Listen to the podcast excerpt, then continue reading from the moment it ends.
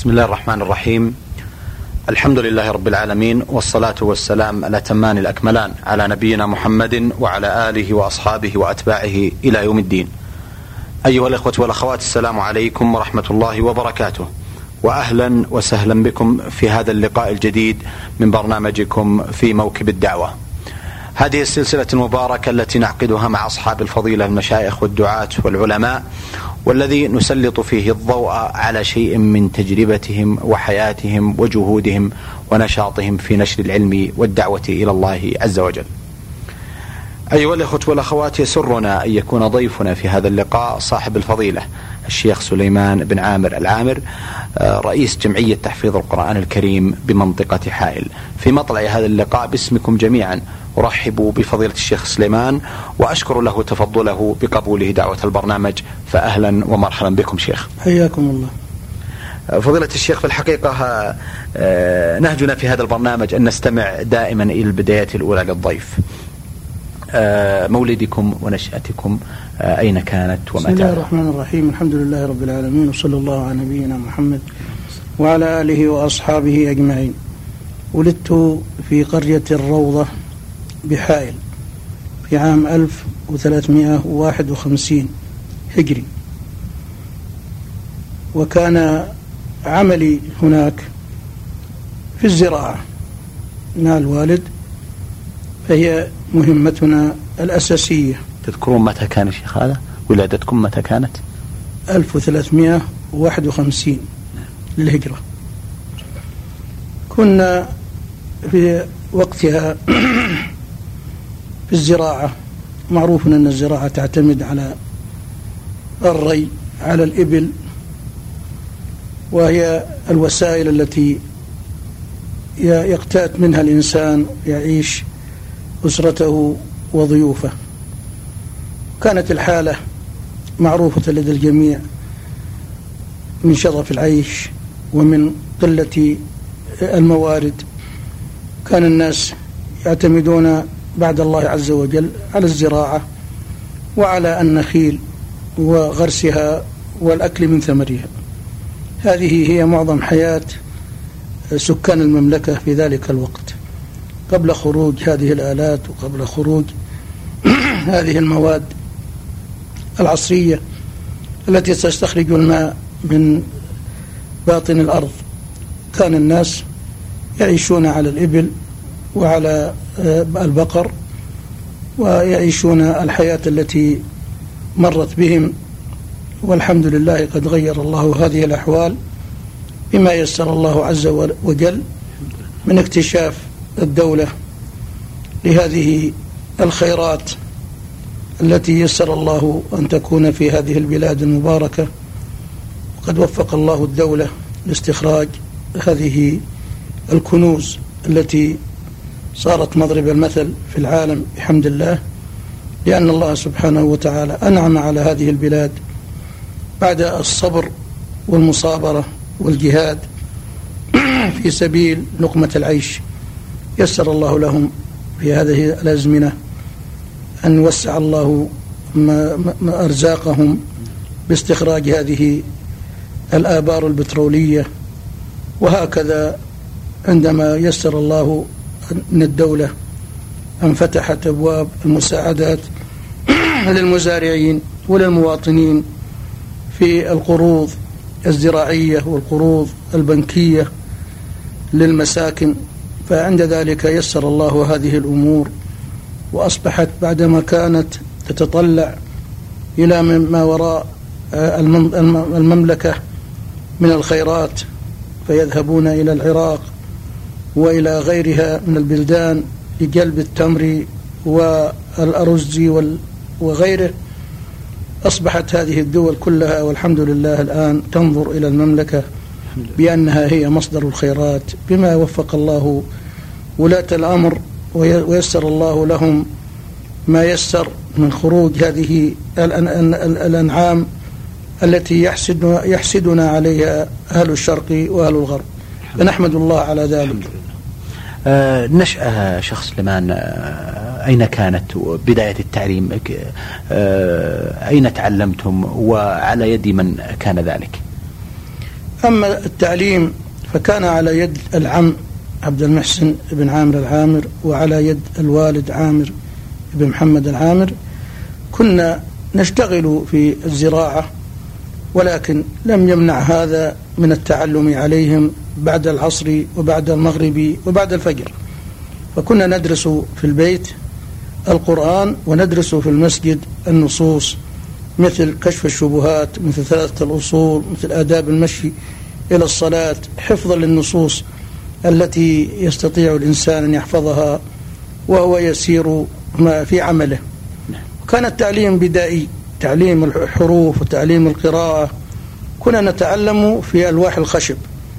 وأيضا يصلح لنا الآباء والأجداد يصلح لنا الحبر من آلات المطبخ ومن الطلح.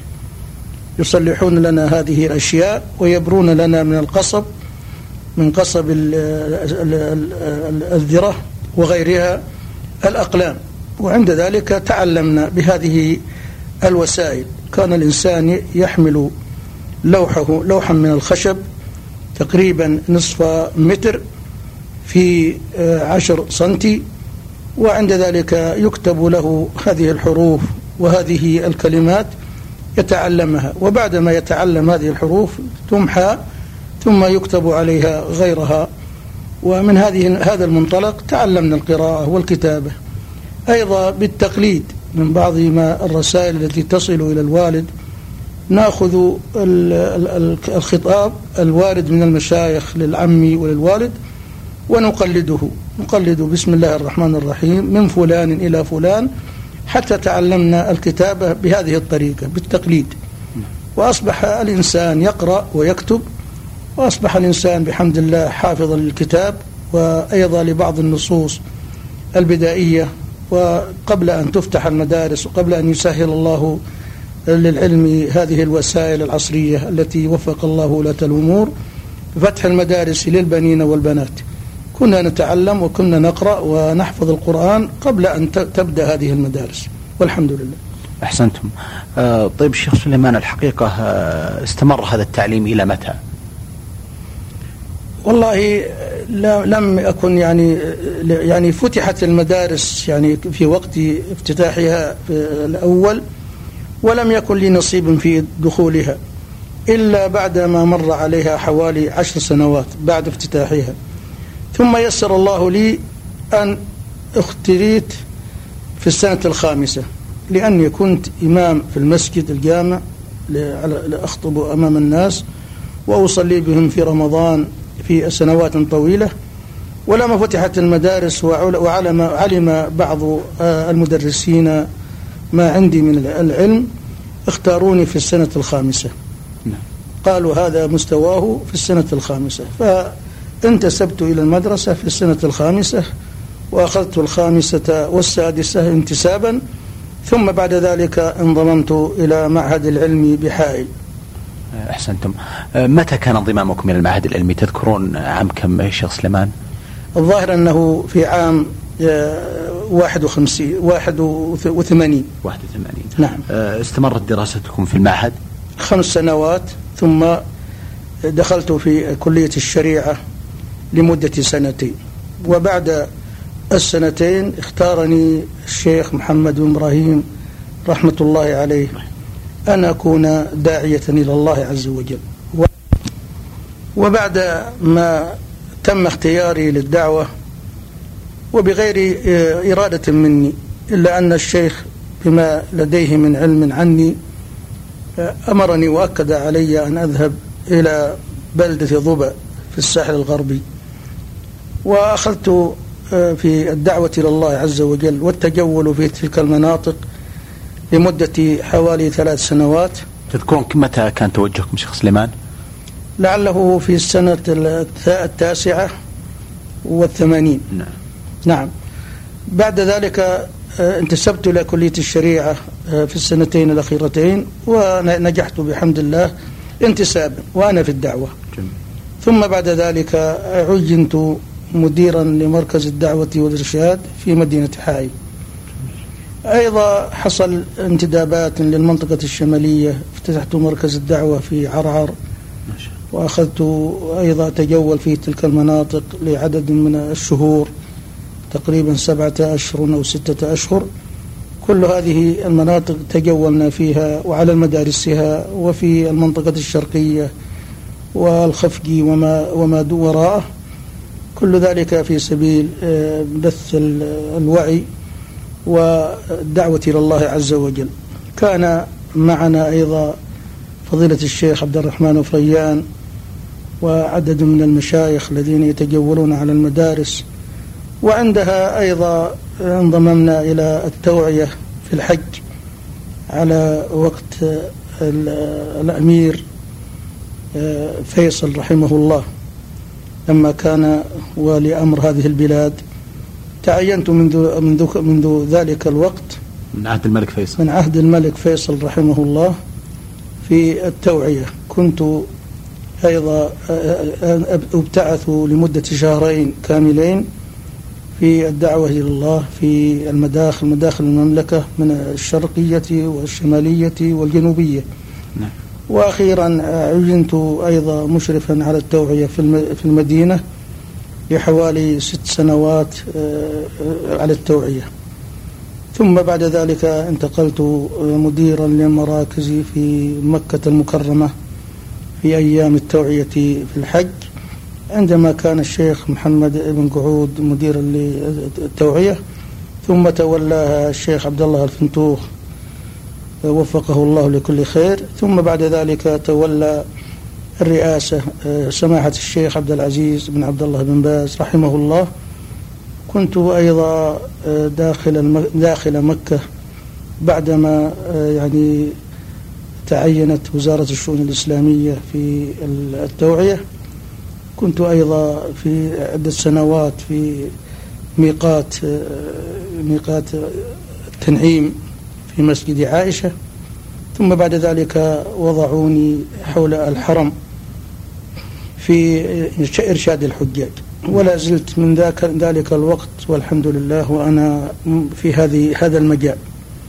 بعد يعني ما كنت مديرا لمركز الدعوة عدة سنوات أيضا آه، أمرني الشيخ عبد العزيز بن عبد الله بن باز وكان هو رئيس الإفتاء والدعوة والإرشاد مع مشورة للأمير مقرن آه، وفقه الله إلى أن أنتقل إلى رئاسة الهيئات. فانتقلت هناك حتى أحل أحيل أحلت للتقاعد يعني لمدة قبل مدة آه، ست سنوات تقريبا. نعم. وأنا لا زلت رئيسا للهيئات أو مدير عام للهيئات. وبعدها أيضا تعاقدت أو تعاقدت معي وزارة الشؤون الإسلامية والدعوة والإرشاد آه، على أن أكون عضوا للدعوة. ومفتيا في مركز الدعوة والإرشاد في مدينة حائل حتى هذا الوقت وأنا في ذلك العمل حتى جاء هذا النظام الذي لا يسمح للمحال للتقاعد أن يتعاقد معه وعند ذلك انطبق علي هذا النظام. نعم. فنسأل الله التوفيق للجميع أثابكم الله وسدد خطاكم ونفع بكم. آه، سليمان آه، عودا على بدء كما يقولون. هناك شخصيات لابد آه، تأثرتم بها. ذكرتم في مطلع اللقاء والدكم عليه رحمة الله وعمكم. هل هناك شخصيات علمية من العلماء والمشايخ أو حتى القضاة الذين كنتم بالقرب منهم استفدتم من توجيههم تلقيتم عنهم شيئا من العلوم؟ على كل حال عدة من المشايخ الذين أخذت عنهم العلم والآداب واستفدت منهم. من أول هؤلاء فضيلة الشيخ سليمان بن حمد السكيت لما كان مديرا للمعهد العلمي في حائل. ثم بعد ذلك تولى إدارة المعهد الشيخ صالح الشيخ عيسى بن علي. وثم بعد ذلك عبد المحسن التركي الدكتور الآن. عبد الله عبد الله بن عبد المحسن التركي كان مدير المعهد العلمي في حائل واستفدنا أيضا من هذه الشخصيات. لا شك أن الإنسان يستفيد منهم ثقافة عامة نعم. وأيضا يستفيد منهم بعض الآداب والأخلاق والسلوك فلهم فضل كبير علي. كما أن هناك بعض الأساتذة الذين استفدت منهم ومن جملتهم ومن بينهم الأستاذ الأستاذ المرزوقي. كفيف البصر. كان مدرسا لنا وكنت أحضر له اللغة العربية والفقه والحديث والتفسير آتيه في بيته وأحضر له بعض الدروس. فقد استفدت منه فائدة كبيرة حتى انتقل إلى عنيزة. وهكذا عبد الدكتور الأستاذ عبد الله العرفج لما كان مديرا أيضا للمعهد العلمي بحائل ثم بعد ذلك انتقلت إلى الرياض واستفدت من عدد من المشايخ ومن بين هؤلاء وعلى رأسهم سماحة الشيخ الوالد عبد العزيز بن عبد الله بن باز هو الذي تأدبت عليه وعرفت منه بعض النصوص والأحكام الفقهية التي لا زلت الآن آه، متأثرا بها فمعظم ما آه، أخذته عنه من الأمور الاجتهادية التي يعني يفتي بها وربما يخالف بعض ما عليه المذهب لأنه رحمه الله كان مجتهدا ودليله الأخذ بالنصوص. عندما يعرف أن النص صحيح يأخذ به ولا يلتفت إلى ما قاله أهل العلم السابقين لأنه يوافق شيخ الإسلام ابن تيمية رحمه الله في بعض الاجتهادات. وهذا هو الذي في الحقيقة تأثرت منه كثيرا لأني كنت ملازما له في مكة طيلة أيام الحج منذ هذه السنوات الطويلة وهو يدرس هذه العقائد وهذه الأحكام أحكام الحج وأحكام العبادات كلها يدرسها صباحا ومساء في مسجد التوعية. وكنت ألازمه رحمه الله رحمة واسعة. وهكذا تأثرت بالكتب والرسائل التي يكتبها فهو أصبح إماما لي أقتدي به بما يقول ولأنني أعتقد أن ما يقوله هو الحق فعند ذلك أخذت بهذا المبدأ فيما يفتي به. رحمه الله رحمة واسعة. اللهم آمين. رحمه الله وأسكنه فسيح جناته. شيخ سليمان أيضا بودي أن نتعرف على بعض الزملاء الذين كانوا معكم إبان مثلا دراستكم في المعهد العلمي أو من خلال دراستكم في كلية الشريعة آه، آنذاك. أو في دراساتكم الأولى. هل تذكرون بعض الزملاء؟ الزملاء تعرف أن الطالب يختلط بزملاء كثيرين ولا وكثير ممن كانوا معنا قد توفاهم الله عز وجل. منهم آه، فضيلة الشيخ عيسى بن سعود العلي وسلامة الهقص وغيرهم ممن كانوا يلازموننا كثيرا في الجلسات وفي الرحلات. وهكذا تعلمت على أيضا تدربت على بعض الزملاء في الرياض واستفدت منهم فائدة كبيرة لكنني الآن لا أحضر لا أحضر اسمائهم لبعد العهد عنهم ولأن الحقيقة الإنسان آه، يعني بكثرة ما يلتقي به من الزملاء يعني ينسى ما كان آه، ما كانوا عليه سابقا. ومعظم هؤلاء قد توفاهم الله عز وجل لأن الموت كما تعرف هو طريق كل حي في هذه الحياة. ولعلي يعني أذكر منهم مثل ما تقدم من ذكرت اسمه قد توفاه الله عز وجل فلعله هو أكثر من آه، يعني استفدت منه وصاحبته ومنهم جر الله بن علي الجر الله. أيضا توفاه الله عز وجل وبقية الزملاء الأحياء الآن آه، يعني لهم آه، فضل علي في يعني التأدب معهم والرحلات التي يصاحبون فيها. وأخذنا أيضا يعني نتدارس فيما فيما فيما بيننا من العلوم الشرعية والآداب والقصص والسير التي يستفيد منها الإنسان في معرفة سيرة نبيه عليه الصلاة والسلام والأخلاق والآداب التي يتأدب بها عليه الصلاة والسلام. فلا شك أن الزملاء يعني كثر واسماءهم الآن آه، تخفى علي كثيرا نعم. أحسنتم أثابكم الله. شيخ سليمان أنتم ممن حباكم الله سبحانه وتعالى في آه، آه، مهمتين شريفتين عظيمتين. الدعوة إلى الله سبحانه وتعالى والأمر بالمعروف والنهي عن المنكر. وهما آه، أمران متلازمان. آه، شيخ سليمان نبدأ بالأمر بالمعروف والنهي عن المنكر والذي قضيتم فيه فترة من عمركم. آه، مديرا لفرع رئاسة هيئة الأمر بالمعروف والنهي عن المنكر بمنطقة حائل. ما هو التوجيه الذي تستحضرونه الآن لمن يعمل في هذا المسلك الشريف والعظيم وهو الأمر بالمعروف والنهي عن المنكر. من خلال تجربتكم الواسعة في هذا المجال والميدان ومن خلال النصوص الشرعية الآمرة بوجوب آه، العمل في هذا الأمر والصبر عليه والمثابرة فيه. لا شك أن الأمر بالمعروف والنهي عن المنكر واجب على كل مسلم. قوله عليه الصلاة والسلام من رأى منكم منكرا فليغيره بيده فإن لم يستطع فبلسانه. فإن لم يستطع بقلبه وذلك أضعف الإيمان. الأمر بالمعروف يحتاج إلى أولا علم يكون الإنسان عالما بما يقول عالما بما يأمر به وعالما بما ينهى عنه. والمجتمع بحمد الله هذا المجتمع السعودي الذي حباه الله عز وجل بعقيدة سليمة وبولاية صالحة تأمر بالخير وتنهى عن الشر. ومن صلاح هذه الولاية أن وضعت هذا الجهاز وهو جهاز الأمر بالمعروف والنهي عن المنكر. والآمر بالمعروف والنهي عن المنكر من واجبه أن يكون رفيقا لأن الله سبحانه وتعالى وجه نبيه بهذا التوجيه فبما رحمة من الله لنت لهم ولو كنت فظا غليظ القلب لانفضوا من حولك فاعف عنهم واستغفر لهم وشاورهم في الأمر. فالناس لا شك على يعني تقسيم الله عز وجل لهم منهم سعيد ومنهم شقي. منهم من يقبل توجيه الله وتوجيه نبيه ويأخذ بما ينفعه في دينه ودنياه. ومنهم من يجعل هذه الحقائق وربما آه، تطغى عليه وساوس النفس والشيطان والهوى فيخالف ما قال الله وما قال رسوله فيعرض نفسه آه، للعقاب أو للوم أو لعقاب الله تبارك وتعالى له.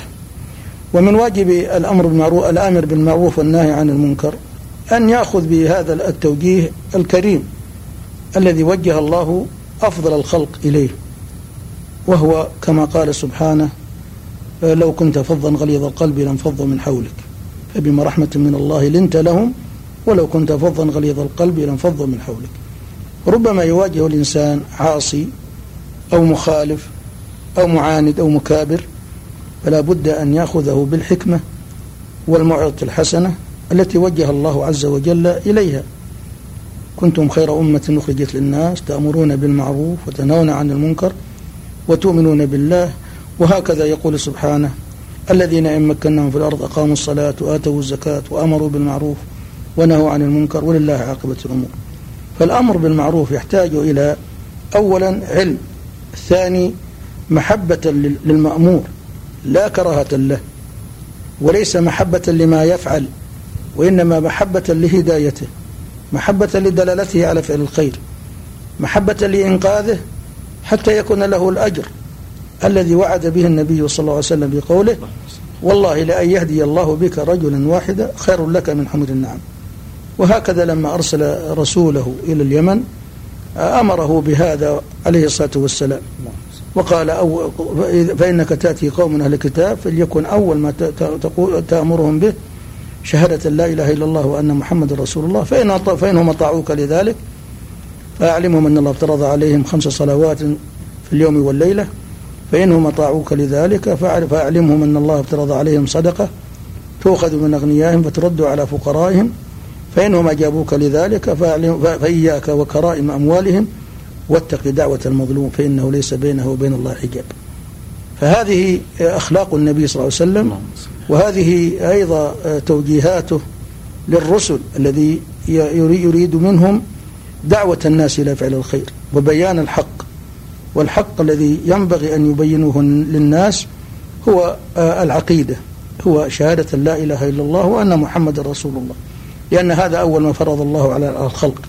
ثم الصلاة التي هي أهم ركن في هذا الدين بعد الشهادتين نعم. ثم بعد ذلك تعليم شرائع الإسلام. وبالحكمة والموعظة الحسنة. وعدم الظلم وعدم الجور وعدم الاعتداء. لا في القول ولا في في الفعل. لأن هذا الإنسان الذي يخطي ويخالف ما أمر الله به وما أمر به نبيه عليه الصلاة والسلام يحتاج إلى علاج. والعلاج لا بد أن يكون بالرفق واللين. والعالم طبيب طبيب لهذا الإنسان المريض. فالمرض أيضا يكون كما يكون للأجسام يكون للعقول. والإنسان الذي يخالف أمر الله عز وجل مريض عقله وتصوره. يحتاج إلى طبيب حكيم يدخل من هذه المداخل حتى يزيل ما ما علق في نفس هذا الإنسان من محبة للشر وأيضا مزاولة له. نعم. وكما تعرف توجيه النبي صلى الله عليه وسلم لما جاء الشاب يستأذنه في الزنا. فغضب الصحابة وأرادوا أن يضربوه أو يفعلوا به شيء فقال دعوه اتركوه ادنوا مني. فدنا منه وعلمه. هل ترضى هذا لأمك لأختك لبنتك لزوجتك؟ وكل ذلك يقول لا والله يا نبي الله. فقال فكذلك الناس. لا يرضونه لمحارمهم. ثم بعد ذلك مسح على صدره. فهذا التعليم النبوي الكريم لهذا الإنسان الذي يريد فعل الفاحشة ويريد أن أن يأذن له الرسول عليه الصلاة والسلام لأنه شاب طائش محب لهذا. فالرسول علمه وأدبه. وهذا التعليم والتأديب ينبغي لكل آمر بالمعروف ونهي عن المنكر أن يكون عنده هذا الفكر الإنساني السليم الذي يعرف يوجه الناس إلى أن المعاصي لا يرضاها الإنسان لنفسه فكيف يرضاها لغيره. وهكذا الناس لا يرضون لمحارمهم مثل هذه الأمور نعم. فالآمر بالمعروف والنهي عن المنكر لا بد أن يكون على هذا المستوى حتى ولو كان من قبل الدولة ولو كان رسميا لا يستغل سلطته في التسلط على الناس وافتضاح يعني ما هم عليه بل عليه إذا واجه مثل هذه الأشياء أن يستر هذه القضايا وليس معنى ذلك أنه يرغب في فشوها أو في كثرتها أو رضا بها يعني. أو رضا بها وإنما يريد الستر كما هو معروف ومطلوب نعم. والإنسان المعين في هذا السلك لا بد أن يكون لديه اطلاع, اطلاع على ما يجد في المجتمع من مخالفات من يعني معاصي فلا بد أن يكون بمثلها بمثابة فعل الرسول عليه الصلاة والسلام لهذا الإنسان الذي يرغب في, في, في الزنا الذي وجهه النبي صلى الله عليه وسلم. فلعل الآمر بالمعروف والنهي عن المنكر يأخذ, يأخذ بهذا الأسلوب. نعم. ويعامل الناس بأن هذا يعني الأموال ترى محترمة والأعراض محترمة والدماء محترمة فليس لك الحق أن, أن, أن تعتدي على أموال الناس ولا على أعراضهم لأن هذا محرم عليك ولأنه لا يجوز ولأن الله عز وجل شرع هذه الشرائع. وحد هذه الحدود فما حدها إلا لحكمة يعلمها تبارك وتعالى. فينبغي لك ألا تعرض نفسك للعقاب ولا للسجن ولا لأيضا نعم. شماتة الناس بك. فحتى هذا التوجيه ينبغي من طالب العلم وممن عينه ولاة الأمور في هذا السلك أن يسلكوا هذا الطريق ويستروا بعض القضايا التي يرى أن من ورائها خير كثير لهذا الإنسان الذي دعته نفسه أو شيطانه وهواه. حتى ينقذه أيضا من الوقوع والتكرار لمثل هذه الأمور. بعكس هذا عندما يكابر الإنسان أو يكون صاحب سوابق أو يكون قد أخذ عليه عدة مرات من التعهدات ولم ينتهي لا مانع أن الإنسان يقوم باللازم الذي يرى أنه خير له من سجن أو من تأديب أو من رفع معاملة إلى ولاة الأمر لأن هذا مكابر ولأنه أخذ عليه عدة مرات وهذا الإنسان لم ينتهي ولم يقبل النصح ولم يقبل الإرشاد فما عليه كما يقول الشاعر إذا لم يكن إلا الأسنة مركب فما حيلة المضطر إلا ركوبها. فالواجب أن الإنسان كما كما هو واضح في توجيه النبي صلى الله عليه وسلم لأمته أن يقيلوا ذوي الهيات عثراتهم وأن يحترموا كبار السن وأن يرحموا صغار السن من لم يرحم كبيرنا من لم يوقر كبيرنا ويرحم صغيرنا فليس منا. وهذا الجاهل الذي يرتكب مثل هذه الأشياء لا شك أنه مريض وهذا المريض يحتاج إلى علاج. والعلاج كما قلنا أولا بالدعوة إلى الله عز وجل بالحكمة والموعظة الحسنة والمجادلة بالتي هي أحسن. عندما يكابر هذا الإنسان ويرى الناس أنه لم ينتهي عما هو عليه عند ذلك يسلك الطريق الآخر. الذي فيه تأديب له وسجن وربما غرامة وربما تعريض للعقوبة وربما إقامة حد. هذا ما هو آه، ديدن هذه الدولة وفقها الله. إذا إلى إذا أنه تبين لها أن هذا المجرم آه، ما ينفعه إلا إقامة الحد عليه يقام عليه الحد. وإني بما سمعته في هذا الأسبوع من قطع يد السارق الذي سرق في الحرم أشكر ولاة الأمور من الأعماق. لأن هذا هو الذي يناسب.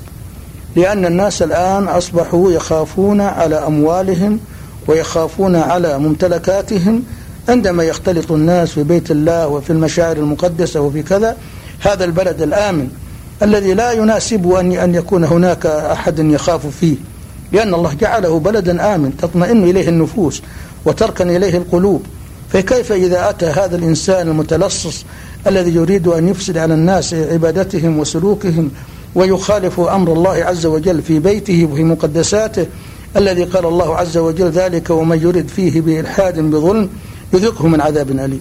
فأنا أشكر الدولة وأشكر ولاة الأمور من الأعماق على قطع يد هذا السارق الذي أحدث في الحرم لأن هذا هو الذي يناسب. في مثل هذا المقام هذا هو شرع الله تبارك وتعالى. فعلى كل حال الستر في القضية عندما تكون سهلة وعندما تكون في غير مكان مثل الحرم وعندما تكون في يعني ما, ما أحد اطلع عليها وليس هناك ضرر على أحد فهذا هو الواجب على, على الناس سترها. وأما إذا كان هناك ما يترتب عليها من مفاسد مثل الخلل في الأمن الخلل الهتك الأعراض المجاهرة في المعصية فليس هناك إلا مثل ما قال الشاعر إذا لم يكن إلا للسنة مركب فما حيلة المضطر إلى ركوبها. نعم. أحسنت فضل الشيخ سليمان. وأثب دور كبير في جمعية تحفيظ القرآن الكريم ونشأتها وكان لكم إسهام في انتشار فروعها وكثرة طلابها. أه، بودي الحقيقة على عجل ولو باختصار لأن وقت البرنامج الحقيقة لا يسمح لنا بالمزيد من ذلك. أه، كيف تقيمون نشاط جمعية تحفيظ القرآن الكريم بحائل؟